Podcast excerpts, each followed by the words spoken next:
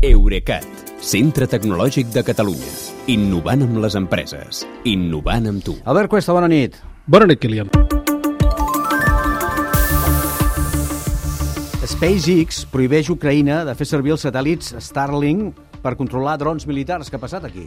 Doncs eh, ja sabem que fa gairebé un any que Rússia va envair Ucraïna i que si l'exèrcit i la població ucraïneses han pogut resistir tant de temps és en part gràcies a Elon Musk, perquè la seva empresa, aquesta SpaceX que deies, ha Sí. proporcionat a Kiev més de 1.300 terminals Starlink d'internet via satèl·lit que permeten tant als militars com als ciutadans mantenir-se connectats amb el món i entre ells, encara que els russos hagin destruït infraestructures de telecomunicacions del país. Doncs bé, des d'ahir, aquest accés a internet per satèl·lit té un límit. Uh, Gwynne Shotwell, que és la presidenta i la directora d'operacions de, Star de SpaceX, ha prohibit a Kiev que faci servir els terminals Starlink per controlar drons militars. En concret, l'exèrcit ucraïnès no podrà llançar atacs de llarg abast aprofitant aquesta xarxa eh, segons el mateix Elon Musk ha especificat també en un tuit.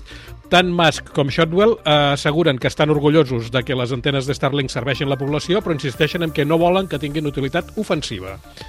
Uh, hi ha fonts que especulen que SpaceX el que li passa és que no, ja no vol assumir el cost de proporcionar aquesta connectivitat a Ucraïna que s'hauria triplicat des dels 20 milions de dòlars trimestrals de començament fins a 20 milions mensuals d'ara, sobretot perquè han hagut de posar en òrbita més satèl·lits per reforçar la cobertura amb la zona.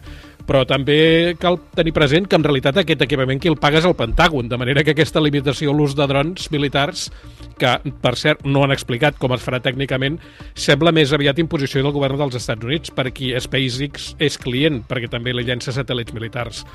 I un últim detall és que cal tenir present que el Ministeri Rus d'Exteriors va avisar en el seu moment que consideren l'ús militar de satèl·lits per part d'Ucraïna una participació indirecta en la guerra i que això legitima l'exèrcit rus per prendre represàlies.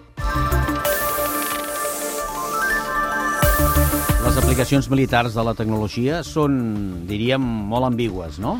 Sí, cada vegada més trobo jo, perquè, aviam, sense anar més lluny, els xinesos continuen insistint que el seu famós globus abatut aquest pels Estats Units era d'observació científica, però qui diu que aquestes observacions no tenen també aplicació militar? Els mateixos Estats Units i els seus aliats europeus n'han parlat moltes vegades, han vetat els equipaments de xarxa de Huawei i de ZTE acusant-los de que faciliten els ciberatacs i cibersabotatge, que de fet són una altra forma de guerra. I un dels arguments per a prohibir les empreses nord-americanes, japoneses i holandeses que venguin a la Xina maquinària per fabricar xips avançats és justament que aquests xips eh, puguin eh, acabar formant part d'armament. Clar. Eh, sense deixar els satèl·lits, Ispasat connectarà zones rurals de l'Estat?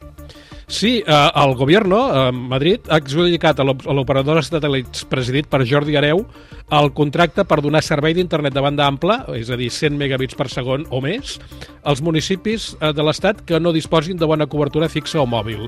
Aquest projecte eh, forma part del Pla Único de Demanda Rural i té un pressupost total de 73, no, 76,3 milions d'euros que venen de fons europeus, naturalment, i inclou tant la subvenció del terminal com la prestació del servei amb una tarifa plana de 35 euros al mes que s'hauria de mantenir així fins a final de l'any 2027.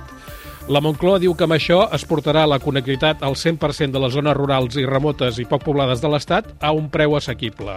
Eh, Posats a comparar, ja que parlàvem de Starlink, el Sí. servei d'internet via satèl·lit que dona Starlink aquí a l'Estat costa 450 euros d'instal·lació, però gairebé 90 euros mensuals de quota, i això és més del doble del preu del servei que haurà de donar passat. És bastant més car, sí.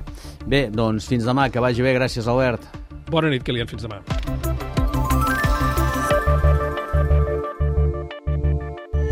Eurecat, centre tecnològic de Catalunya. Innovant amb les empreses. Innovant amb tu.